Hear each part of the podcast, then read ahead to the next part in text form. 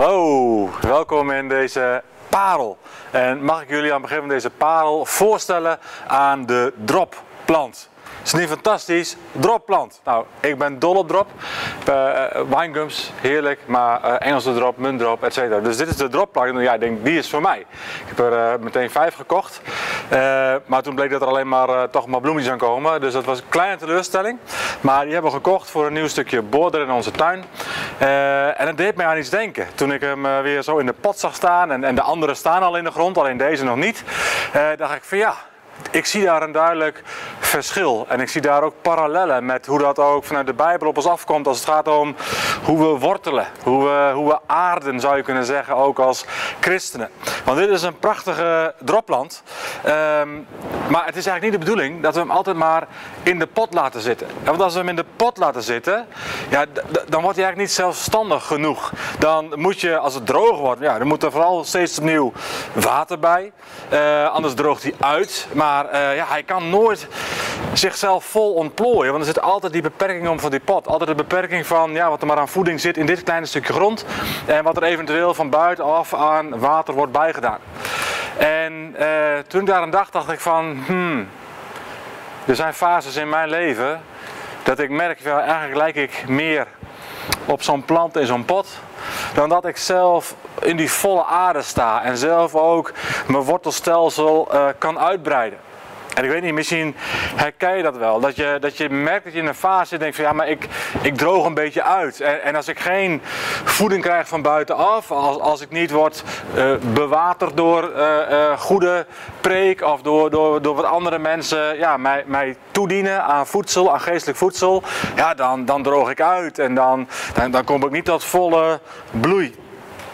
En ik denk dat dat iets is wat we, wat we, ik denk meer mensen herkennen. Zeker van gewoon deze hele periode van crisis. Dat ja, als ook soms ook eh, de, de voeding van buitenaf stopt. Uh, op manieren zoals we die gewend waren.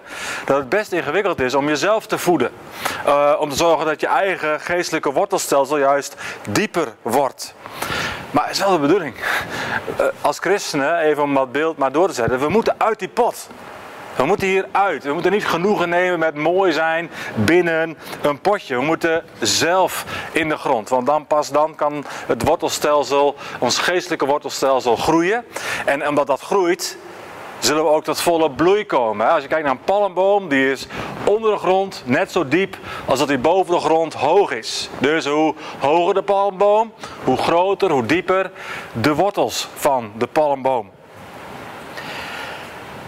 Want als het dan droog wordt, als het dan moeilijk wordt, maar je bent wel goed geworteld, dan ben je in staat om zelf voeding te halen uit de grond. Om zelf water te putten uit een diepere laag. Om jezelf te voeden. En dat is wel een beetje wat we misschien wel even weer moeten leren om onszelf te voeden. Sommigen hebben daar juist diepe groei in doorgemaakt de afgelopen periode. Uh, en ik denk dat sommigen het ook heel ingewikkeld hebben gevonden. En misschien wel tot de conclusie moeten komen, ik ben een beetje uitgedroogd. Uh, daar waar het ook soms stokte met de input van buiten. Een prachtige gedeelte hierover uit de Bijbel is Jeremia 17, vers 7 en 8. Wat sterke parallellen vertoont met Psalm 1. Laten we die versen lezen. Daar lezen we: Gezegend wie op de Heer vertrouwt. Wiens, wiens toeverlaat de Heer is. Altijd weet, bij Hem, bij de Heer, moet ik zijn. Hij is als een boom, geplant aan water. Zijn wortels reiken tot in de rivier. En hij merkt de komst van de hitte niet op. Zijn bladeren blijven altijd groen. En tijden van droogte deren hem niet. Steeds weer draagt hij vrucht.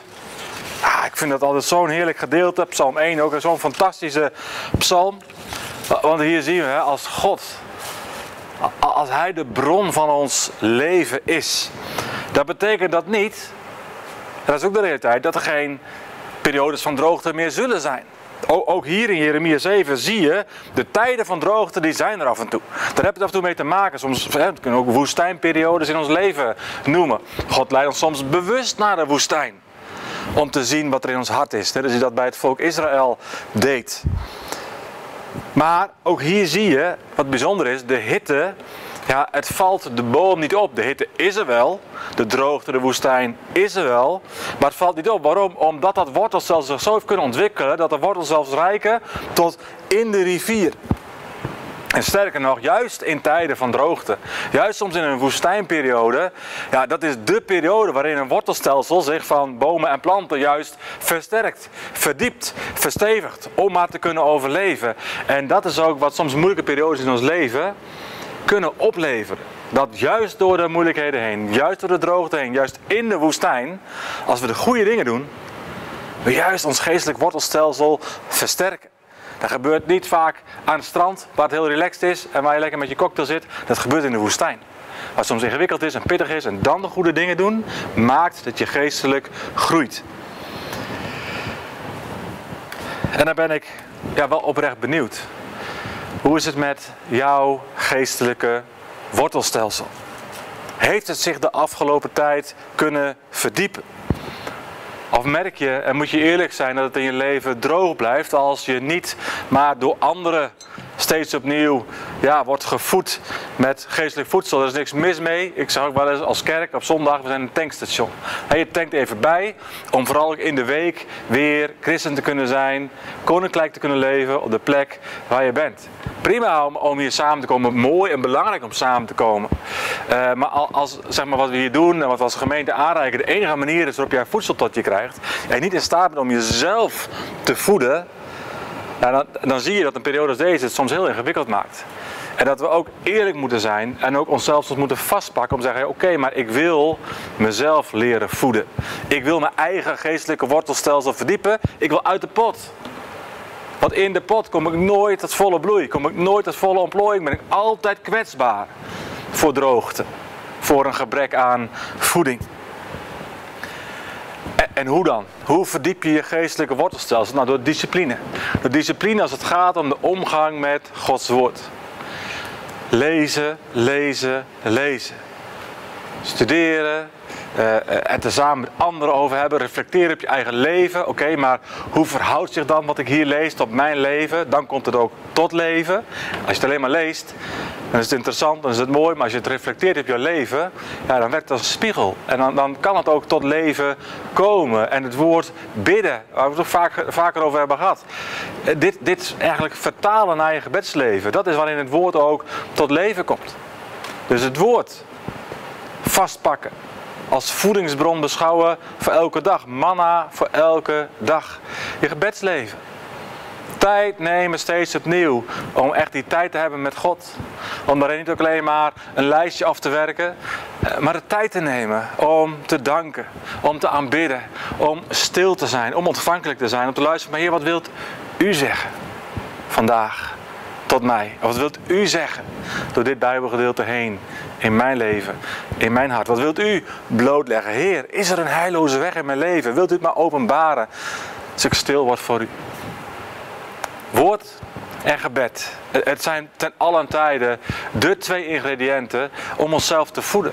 En je voedt jezelf ook door juist de omgang met anderen en je te verbinden met anderen. En dat heeft onder druk komen te staan. Maar nu het weer meer kan, doe het. Maak er gebruik van. Ontmoet broers en zussen. Kom naar de community. Kom naar de diensten zodra het weer kan en je ook aan de beurt bent of je kunt inschrijven. Kom, verbind je met de ander, zodat je ook jezelf daarmee voedt. Investeer daarin. Het is echt een investering om te zeggen: oké, eh, het leven is kort. Uh, dus ik doe er alles aan om te investeren in mijn relatie met God. Zodat ik, als ik in een volgende woestijnperiode zou komen in mijn leven, zodat ik daar terug kan vallen. Zodat daar een basis ligt, een bodem ligt. Zodat mijn geestelijk wortelstelsel is verdiept. En ik eigenlijk de droogte niet eens opmerk. Zoals Jeremia 7 dat zegt. Ik wil afsluiten met Psalm 63. Een van de psalmen die David schreef toen hij ook in de woestijn van Juda was. En dan zien we ook weer, ik kan een mooi, mooi verhaal vertellen, zeg maar. Maar als het niet een zaak wordt van je hart, dan gaat ook deze parel niet zoveel uitwerken in je leven. Dus wil je met mij Psalm 63 lezen, de eerste negen versen. En eigenlijk is mijn gebed nu al dat als we het lezen, dat het iets mag doen in jouw hart en net zo goed in mijn hart. Een psalm van David, toen hij in de woestijn van Juda was. God, U bent mijn God. U zoek ik. Naar u smacht mijn ziel. Naar u hunkert mijn lichaam. In een dor en dorstig land. Zonder water. Oh, in het heiligdom heb ik u gezien. Uw macht en majesteit aanschouwd. Uw liefde is meer dan het leven. Mijn lippen zingen uw lof. U wil ik prijzen mijn leven lang, roepend uw naam, de handen geheven. Dan wordt mijn ziel verzadigd met uw overvloed. Jubel ligt op mijn lippen, mijn mond zal u loven. Ligt op mijn bed, denk ik aan u. Wakend in de nacht, prevel ik uw naam. U bent altijd mijn hulp geweest. Ik juichte in de schaduw van uw vleugels. Ik ben aan u gehecht met heel mijn ziel. En uw rechterhand houdt mij vast. Zover. Even vers 2, om nog even daarop in te zoomen. God, u bent mijn God. U zoek ik, naar u smacht mijn ziel, naar u hunkert mijn lichaam. In dat dorre, in dat dorstige land waar geen water is. Smachten. Hunkeren. Dat zegt alles over hartsgesteldheid. Davids hart smachtte naar God. Davids hart hunkerde naar God, naar meer van God. Meer te leren van God, meer van God te ervaren. Meer in gebed te zijn. Oh, s'nachts wil ik niet dromen over mijn carrière, over mijn plan, over mijn pensioen, over mijn auto, over de tuin, over de buren, over wat andere mensen zeggen. Nee, in de nacht prevel ik uw naam. Hij is zo Godgericht met alles wat in hem is.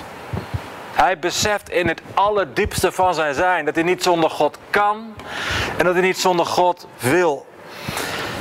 En dat God dus alle, alle, alle prioriteit van zijn leven verdient. Ik wil zijn als David. Ik wil zijn als die bomen in Jeremia 7 in Psalm 1. En, en ik wil je, ja, ik wil zoveel. Ik wil je uitnodigen, ik wil je uitdagen, ik wil je bekrachtigen, ik wil het leven over je uitspreken en uitbidden. Ik verlang zo dat je met mij smacht en hunkert naar God in alles in je leven. Niet ergens een rol in je leven, niet ergens een levensgebied waar je wel aan toe wijdt, maar een ander niet. Nee, Heer, hier ben ik helemaal. Overgave, waar deze periode ook over gaat, naar van het lied van, van André. Oh Heer, we willen uit de pot. En ik bid je toe dat je geen genoegen neemt met een leven heel veilig, heel keurig, heel afgebakend in een potje. Waar je altijd maar afhankelijk bent van voeding van anderen. Oh, ik bid je toe de volle aarde. Dat volle wortelstelsel. En dat volle leven met God. Dat je ook kunt zeggen, ik smacht, ik hunker en ik doe er alles aan. Ik benut al mijn tijd en energie om geestelijk in conditie te blijven. Zoals Paulus dat ook schrijft aan Timotheus. Timotheus. Wees daarin gezegend. Amen.